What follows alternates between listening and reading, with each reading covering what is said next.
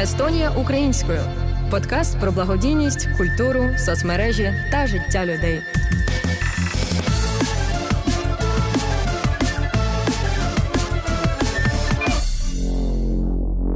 Вітаємо вас, шановні слухачі. Ви на другому сезоні подкасту Делфі Естонія українською. Цей подкаст створений за підтримки фонду інтеграції Естонії. Естонія українською це подкаст, куди ми запрошуємо молодих українських діячів, щоб дізнатися про їх бізнес або творчість, обговорити нагальні проблеми та бути в курсі того, що відбувається в українському ком'юніті Естонії. І з вами його ведучі Володимир Семерій та Таїсія Білан. Ми студенти, які опинилися в Естонії від початку повномасштабної війни та долучилися до цього проекту як безпосередній голос молоді. Е, І наш сьогоднішній гість Ярина Караульщикова. Їй 25 років, народжена вона в місті Кременчук, співачка, музикантка, волонтерка, організатор благодійних заходів і просто прекрасна людина. Тож, Ярино, привіт. Вітаю, привіт вам. Е, Ну, ми почнемо з першого і дуже легкого питання. Е, Як ти переживала переїзд? Чим рятувалася і як почуваєш себе зараз? Ну, я виїхала на десь е, другий тиждень війни. Приїхала до батьків. Е, перші, може, два дні просто відлежалась, е, відіспалась, потім пішла волонтерити, схватила там панічку, і мама сказала: давай ти відпочинеш, побудь вдома. Ну, а потім вже почалось прямо активне волонтерство. Було важко, періодами було легше, періодами ще важче. Зараз, е, наче все стабільно, працюємо. Ну, тобто, працюємо. Може, щось розкажеш про механізми переживання е, своїх емоцій? Ну, що ти робила, що допомагало? Е, Чи є- тільки спала? І... Ні, ні, я не тільки спала. Е, Я знаю, що я ну, спала, спала багато, бо адаптація, Естонія, інша країна, стрес. Е, Я намагалася почати співати, бо я так сублімую переживання в творчість. І було дуже важко, тому що через стрес е, були зімкнуті зв'язки. І ти фізично типу, відчував, ну можна сказати, навіть болі, коли намагався співати, але потім все ж таки вийшло. І я пішла співати в переход українською. В переход? Да, я співала в переході, я до того співала в переході. І мені це дуже допомогло, тому що багато наших українців зупинялися, підспівували, і якось так разом ми ну, переживали. А які ви пісні співали разом? Е, саме які, які саме сказати? Ну, так, так. А, ну, вільна було таке, Тіна Кароль вільна, що Надія є, Скрябіна багато співали, Океан Ельзи, Марія Чайковська, ну такі українські. Я можу тільки уявити, як це піднімало дух е, українців. Ну тому що якщо б я це почула в перші е, дні своєї адаптації в Естонії, ну мені було б трохи легше. Е, Чесно кажучи, було і страшно, і легше, тому що тут досить неоднозначна публіка в Естонії. Я маю на увазі російськомовних, і я стикалася з ну, різними речами, там, типу, Докопувалися? ну, валі свою страну, що ти Ой. забила, хахлушка, і от це от все. Ой, це було ми таке любимо. Так. Ми таке любимо, такі І розмови. було перші, перші дні, мабуть, навіть страшно ходити з прапорцем, але потім я така в смислі, ну алло, ти, ти в безпеці, чому ти не можеш ходити з прапорцем? Як і зараз із цим? Легше, я не реагую просто на це. Ну, я, Звикла? я бачу, е, я ну, не звикла, я не, жодного, не кожного дня зустрічаюся, просто, ем, просто не реагую, тому що не вважаю, що маю витрачати на це зараз сили. Це вимотує морально, до того ж не хочеться ну, мати якісь конфлікти в цілому. Ну, зараз ти обрала просто шлях чилауту такого. Да, я типу чую, я так подивлюсь. А вони, ну, вони просто тобі прямо в очі не кажуть, тому що це тут ем, е, як це наказово. Mm, угу. І тому вони можуть просто сидіти в автобусі, дивитися в віконечко і казати погані речі, а ти розумієш, що це адресовано тобі. І ну, бувають моменти, коли я можу повернутися і запитати, типу, це ви мені? І вони там зразу звертаються. Окей. Ти продовжуєш зараз співати вулицями чи ти? Ні, вулицями через те, що в Естонії е, в Естонії всього два переходи. Е, Ну я не беру переход власне Мяя, і е, два один з них перекритий був на Балтіям. Ну там був ремонт. Е, І зараз там ход, не ходять люди, тому що вони ходять вже не в переході, а через е, через світофори поверху. І я така, угу, там я вже більше співати не можу. Ну, до того ж було багато просто волонтерства, яке і робота, і не маю часу на це. Угу. Ну. До речі, про музику. Як ти почала свій творчий шлях? А, Ну, я співала в школі, я співала в училищі, е, і хотілося, мабуть, е, свою якусь пісню е, зробити. Я написала своїй знайомій, яка зі мною навчалася в ліцеї, її звати, її звати Влада. Вона мені скинула свій збірничок віршів, і десь через годинки-дві я їй відправила демку. Вона була ще тоді в селі, погано грузив інтернет, е, і і вона така чує перші секунди, і така: Вау, клас, мені подобається, але погано грузить, я не можу дослухати до кінця.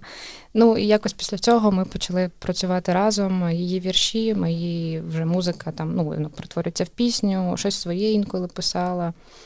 І ми по по цей день е, дружимо досить близькі, але знову ж таки через війну, через оцю ну, багато багато.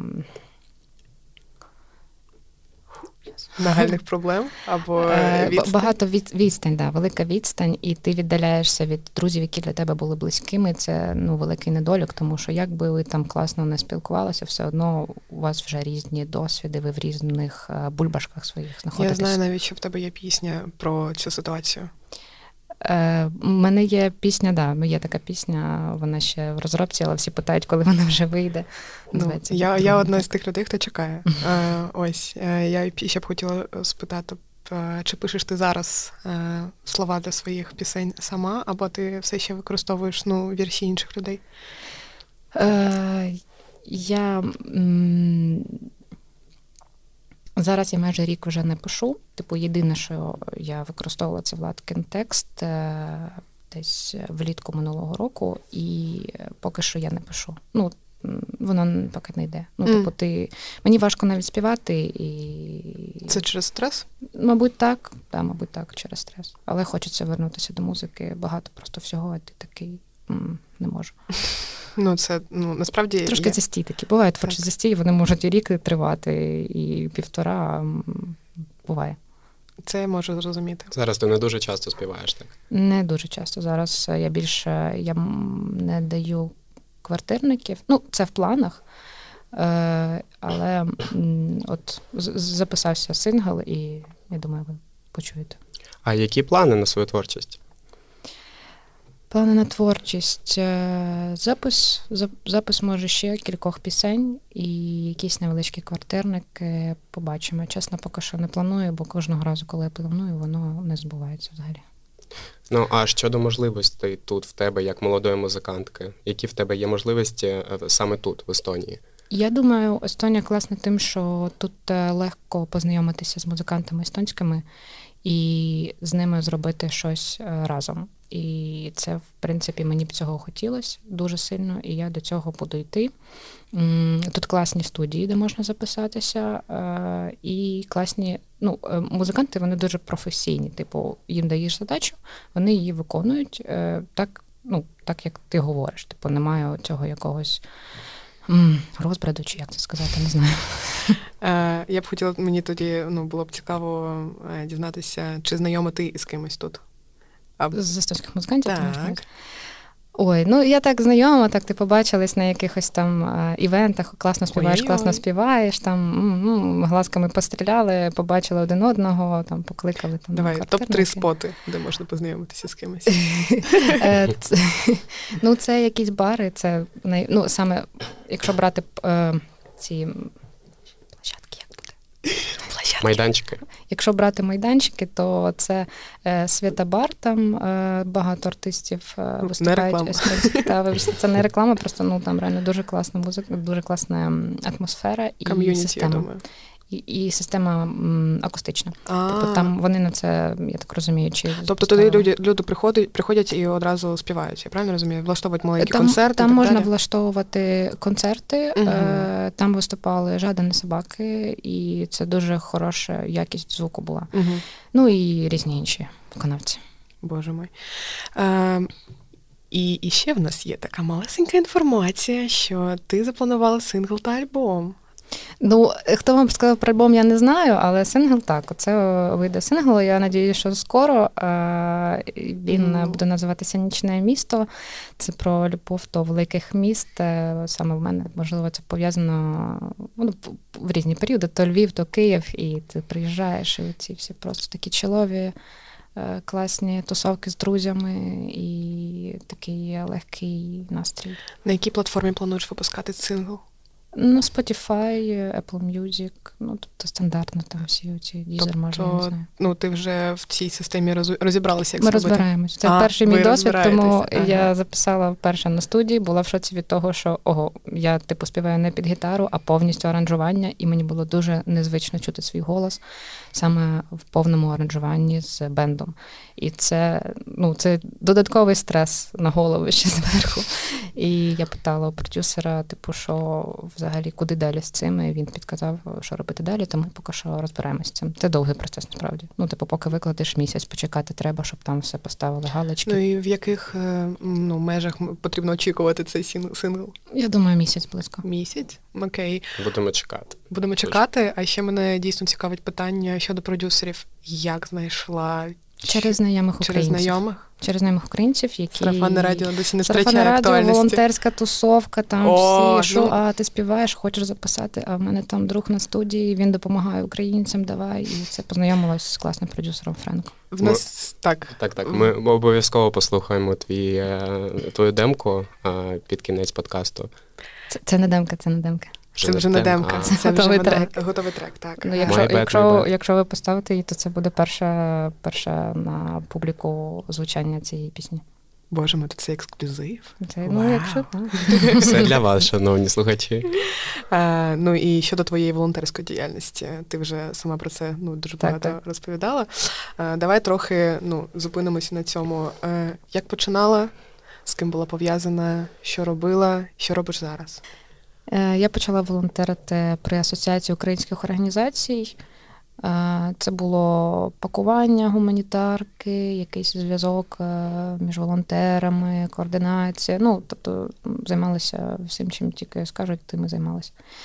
От, і створився проєкт Артіч, тому що ну, треба було щось мені робити, і я така, треба збирати кошти, мабуть, музикою. Погнали.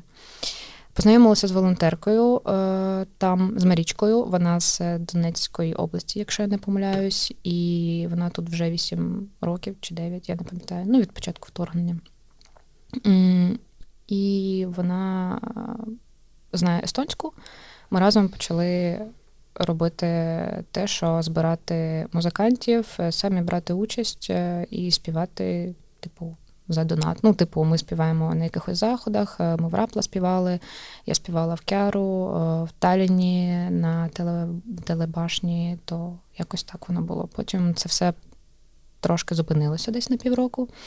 І знову відновилися тим, що, мабуть, сам наймасштабніше це те, що ми зараз робимо каву на перемогу, варимо каву і е, збираємо кошти на донат. Мені запам'яталося Україна Дей, здається, це був якийсь захід е, якраз на телебашніці. Е, на, Був виступ на баскетбольному матчі в Рапла. Там телебачення все було так Воу, дуже крута. Дуже. Крута. І, і, і, і, і були квартирники. Ось квартирники це просто ну така моя більша історія ну, в плані кохання, історія мого кохання, тому що я дуже люблю такі затишні Лампові, тусовки. А, І ну мені, от і, якби слухачі, було б цікаво дізнатися, чи будуть ще влаштовуватися. Ти казала, що ну маєш намір, угу. але ти казала, що там якісь там проблеми із цим. Ну, поки що просто я е, морально до цього можливо не готова, бо знову ж таки багато всього. Але mm я надіюсь, що але давай тепер про діючий проєкт, який точно кожну п'ятницю це uh кава на перемогу. uh Це... Е, я брала участь е, у ярмарці разом з організацією Сокот, яка займається волонтерством, і ми там продавали різні смаколики, хендмейд штуки. І почали. Ну, була ідея зробити типу теж каву. Але оскільки в нас е, не було майже жодної якоїсь е, оборудки для цього, ми просто купили оцю як її пательню, типу стаціонарну, електричну, точніше. Мгм. Електричну пательню купили і взяли мока, макінетку. Е, Почали робити цю каву там на місці. Ну, було трешово, тому що в тебе там дві макінетки, е, купа людей хочуть ко- кави, а в мене ручна кавомелка, і я оце стою, просто Крутиш. фігачу, да, 5, 5 годин на цьому всьому. Е, і в той день прийшов Кирило, мій друг, е, який, в принципі, мене і привів до кави. Ми ще були знайомі десь скільки 5 років тому, познайомились тут в Талліні. І ми зустрілися, він почав мені розказувати про те, що таке альтернатива, і взагалі, е, що таке спешалті кави. Я така ого, ого, ого, а що, а що так можна? Е, і ми з ним, до речі, теж е, виступали на квартирниках, і він теж музикою займається трошки, то у нас таке споріднена моя душа. М. От, і він прийшов на цей захід і такий: зроби мені цей аеропрес. Аеропрес це один із методів заварювання кави. Я така, добре, зараз зроблю. Це вже був кінець. А як, як? як це заварюється? Ну, я ну просто е, він так ну, сміливо до тебе приходить. Зроби мені. Ну, Ну, він знав про це, що я буду, А. е, так, і що я привезла, е, точніше, мені привезли з України світ кави. Ой, це знову реклама була. ой-ой-ой. При, привезли каву мені з України, і я кажу, Крило, давай щось зробимо, поваримо ну, кавуську. І він підійшов і каже, давай зроби мені, будь ласка. Я така з задоволенням все. Прибираємо макінетку, більше не робимо, роблю альтернативу. Все. Це я достаю цей механізм, починаю щось робити, і тут починають підходити люди. Ну, я просто не очікувала того, що е, буде такий, така зацікавленість е, людей в цьому. І одна дівчинка підійшла і почала розказувати про те, що в неї теж є аеропрес, вона з українка з Фінляндії. І я зробила цю каву, почала розказувати цій дівчинці. Підійшов ще один хлопець, і я кажу: типу, я зараз варю вам каву, якщо ви бажаєте. І скільки хочете, стільки задонатьте. Ну, типу, я не ставлю фіксовану ціну. Мгм. Мені ж було цікаво потім, скільки ж вони задонатили. Ну, бо каса була не в мене. Я Мгм. підходжу до мами, я бачила, що хлопчик вже розховався. Тому хвилин 20, може, стояла, слухала мою лекцію, е, пили каву, і я підходжу до мами, ну що скільки він, скільки він залишив? Вона каже, 20 євро. Я така, ого, 20 євро. Ну, в мене було ще таке е, враження, що наче я в переході. Ну, типу, в переході теж були такі ситуації, коли клали багато коштів, і тут знову це, бо тому що ти даруєш людям емоцію в цей момент. І я така, блін, ну це, це цікаво, е, можна, типу, збирати донати і таким чином. Тому ми почали через там десь кілька місяців робити каву на перемогу разом з Сокотом. Е, і оскільки я не можу жодної п'ятни, кожної п'ятниці варити каву, е, я попросила Кирила, щоб він мене підміняв, бо він зараз прям теж в кавовій цій індустрії вариться дуже вариться. Як кава. Вау, який каламбур прекрасний. Мені подобається, що тут е, в усіх твоїх історіях лейтмотивом проходить сарафанне радіо. Типу, ну без нього нічого не, не трапляється в твоєму житті. Ну так, так. Яка кількість людей зараз до вас приходить? На каву? Так. Е, По-різному, але стабільно. Ну, е, я, можливо, скажу, скільки ми в середньому збираємо е, коштів. Це в середньому 350-400 євро е, за 3 Скільки? годинки. І А, це близько, За три години. близько 40, ну, може, 30-40 людей точно приходить, десь так. По-різному. Буває дуже так багато, що я не встигаю. Ну, вони ж приходять і уходять, і ти такий. Ну, просто каву беруть там, наприклад, і так, так, круасанчик так, якийсь так, і йдуть. так, так. Запрошуємо всіх на каву до Ярини. Да, Так, каву і борщик. Борщик там періодично варю теж. Ой-ой-ой, борщик. Борщ. Блін, це прекрасно. Тому що я І брауні. Ще брауні. Я просто ніде не знаходила нормального українського прощаю. якщо чесно. Я Естоні. дуже. Ну, якщо знаєте, пишіть в коментарях. Е, Я би повернувся до твого проєкту Art Siege. Угу. Дуже цікаво. Е, Розкажи детальніше про нього, що ви там саме робите. Е, Так, я розкажу. Е, От ми починали при асоціації українських організацій. Потім е, через деякий час ми відсепарувались, тому що були різні погляди на волонтерство і приєдналися до Сокот, який зараз займається волонтерством. Це організація моєї мами. Нам треба було знайти місце, де це все робити. І ми знайшли місце, але ну, все впирається в те, що потрібні кошти. Я пішла на роботу. Важко. А ким я працювала? на робо- Я зараз працюю а, з цим, господи, збираю ендоскопи. О Боже. Медицина, медичне Оце, обладнання. да, Цікаво. От я кажу, мам, я можу, типу, там протягом чотирьох місяців, поки там трошки воно розкачується, це все, бо ми ж і е, хендмейд роботи різні продаємо, ну для того, щоб оплачувати оренду приміщення.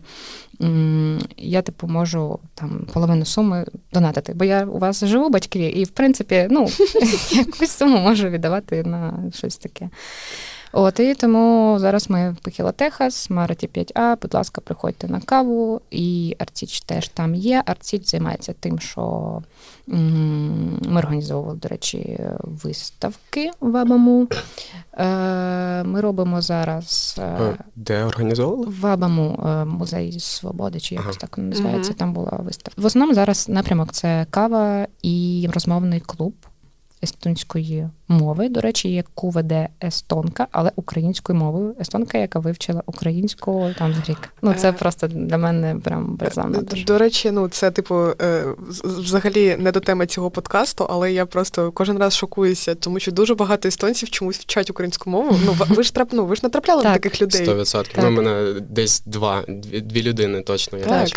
мене просто дивує, ну наскільки вони бист, ну, швидко її хапають, цю українську, і я ну завжди е, в якомусь е, легкому афігі, бо я не розумію, як. Я теж я теж в шоці, і типу, ну до нас приходять естонці, які на каву говорять українською. І я така, що відбувається? І ну деякі приходять до нас в розмовний клуб, щоб допомагати українцям вчити естонською. І це дуже круто, тому що ти можеш е, на своїй рідній мові вивчати іншу іноземну мову. Плюс ще момент того, що не вистачає типу українського, і ти приходиш в простір, де тобі спокійно, типу затишно, і ти плавно вивчаєш іншу Ну, типу, твоє ком'юніті. Так, твоє ком'юніті. І дуже круто, що до нас на каву приходять як і молоді люди, е, так і більш е, старше покоління. І це йде такий обмін досвідом, ну просто, типу, морально, морально прикольно. Це. Багато айтішників і оцих митців приходить, боже, я вони як начнуть, то за, за IT. А я ж- був, був такий жарт, ну, типу вони підходять, і ну, деякі люди, яких я не знаю, вже знаю. Вони такі, я буду альтернативу. А я дивлюсь, ну, е, обличчя таке, ну, стронг. І я кажу, а ви що, айтішник? І сміюсь. І дружина поруч стояла і каже, так, він айтішник. І мені так трошки незручно стало, ну, тому що айтішники загалом п'ють е, таку каву. І я Альтернативу. «От, То ти вже можеш е, зрозуміти, хто людина за професією, Так, просто за каву, яка вона так, замовляє. Так. А ще на правах реклами хотілося б сказати, що в нас там є цей хедмейн-магазинчик, е, де ми продаємо прикраси, е, різні шопери, які зробили наші україночки. Так що велкам, будь ласка. І нам хлопчики з передової передають ще пропорції, там підписані, всяку таку Прямо з передової, з фронту? Так. О, підписані. Тобто Ну, підписані з побажаннями різними. От До нас якраз буде їхати зараз, почитаємо, що, що вона нам написала. тобто Бо ми, ми просто от якраз е, їм відправили недавно монокуляр мгм. е, і різні кровоспинні там штуки, і воно так щось відправляємо, вони нам якусь таку штуку, шеврони нам а, передають. бартерна система, я Ну, не система, просто ну, типу, приємно дуже це А, мотивує окей. працювати. Ну, тобто можна там на наступному чи після тижня вихопити собі щось. Прям з- Так, можна вихопити, тому що, е, типу, ти можеш прийти е, на каву, е, взяти участь в лотереї і просто виграти щось. А, таке. Ще й в лотереї. так. Я думала, ви продаєте це. Ми і продаємо, і А, лотереї, окей, там тут- окремі лоти просто. Ну там, можна- там стільки інтерактиви, що можна А що можна виграти в лотереї? А, лотереї м, шопери вигравали, монетки вигравали, там щось якісь 10 гривень вийшли. Я не А, пам'ятаю, присвячені, чесно. присвячені да. чомусь там. Окей. М, Книгу можна виграти. Ну, тобто, все, що знайдете, так? Мгм. Все, що знайдете, то Ну, все, що привезуть. Типу, нам а, там не просто так, що. Ну, це особливі типу лоти якісь. Ну, намагаємось, так, щось Ой, особливе. ну, прекрасно. Цікаво, цікаво. Ой-ой-ой. Так, ну тепер ми продовжуємо. А які плани на майбутнє? Ай-яй-яй, розповідай на давай. майбутнє. У нас буде 21 жовтня великий івент Кава на перемогу тату Edition. Ми Де? будемо робити татушки за донат на Мадера 22. Прекрасно. Усі приходимо. Так, Ми будемо Стасі. буде з, З- 10-ї страшно. З 10 будемо. ранку до 9 вечора. О Боже. Тобто весь день. Субота, будь ласка, велкам, поїсте, наб'єте татушку, поговорите, купите щось. Там друзям. також буде лотерея? Буде лотерея, так. Буде лотерея, і я ще от завтра поїду в Україну і привезу кілька речей дизайнерських е, Украї... ну, почат... українців, які починають бренду? да, е, свою діяльність, бо хочеться теж трошки розвивати там, тому що там важко, ну, типу, вивозити. Багато хто з моїх знайомих закриває свої якісь е, бренди і ну, хочеться підтримати так. О, Боже, типу. це також буде, типу, продаватися або розіграно буде? Це буде продаватися і продаватися там 50% на донат, або е, все на донат залежить від того, як ми домовимося з мгм, дизайнером. Типу, у всіх по-різному. А, це вона тобі просто надає, я так розумію. Так, я там беру там, наприклад, 5 ті-шорток е, і везу. Можемо назвати дизайнера?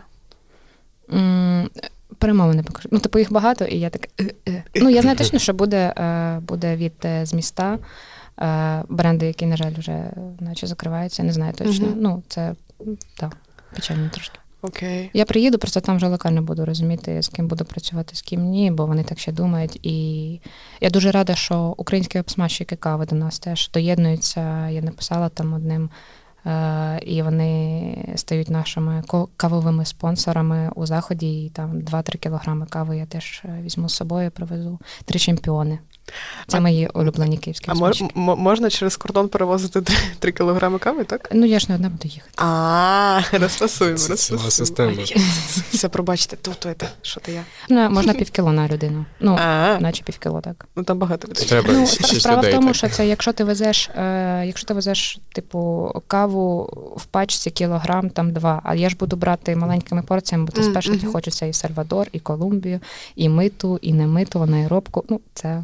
А, тобто прям такі тонкощі будуть. Ну так, так, так. Ой-ой-ой. Щось цікавинки, так. Мені подобається, що ти прям цим гориш. Просто ну, Я і- три години на каві для мене. Я, мені здається, що я тиждень чекаю, щоб піти поварити каву. ну, я просто можу ще й бачити твої очі. Типу, ну, Зараз заплачу. ну, ну, плакати не треба, але ну, е, ну, ти просто палаєш цим. Це дуже, дуже приємно, коли гость е, реально ну, любить те, те що Дякую, робить. Дякую. А, і також було приємно чути те, що ти говориш музикою. Це було також прекрасно. Тому так, нагадуємо, що ми е, включимо е, сінгл, який скоро Мгм. виходить, Нічне місто в кінці, і потроху будемо завершувати, так? Тож, наш подкаст Естонія українською добігає кінцю. З вами була наша гостя Ярина Караульщикова. Дякую, Ярино. Дякую вам, було дуже тепло. Та його найщиріші ведучі Володимир. І Таїсія. Цю та інші передачі було створено за підтримку фонду інтеграції Естонії. А зараз для вас лунає пісня Ярини Нічне місто. Естонія українською. Подкаст про благодійність, культуру, соцмережі та життя людей.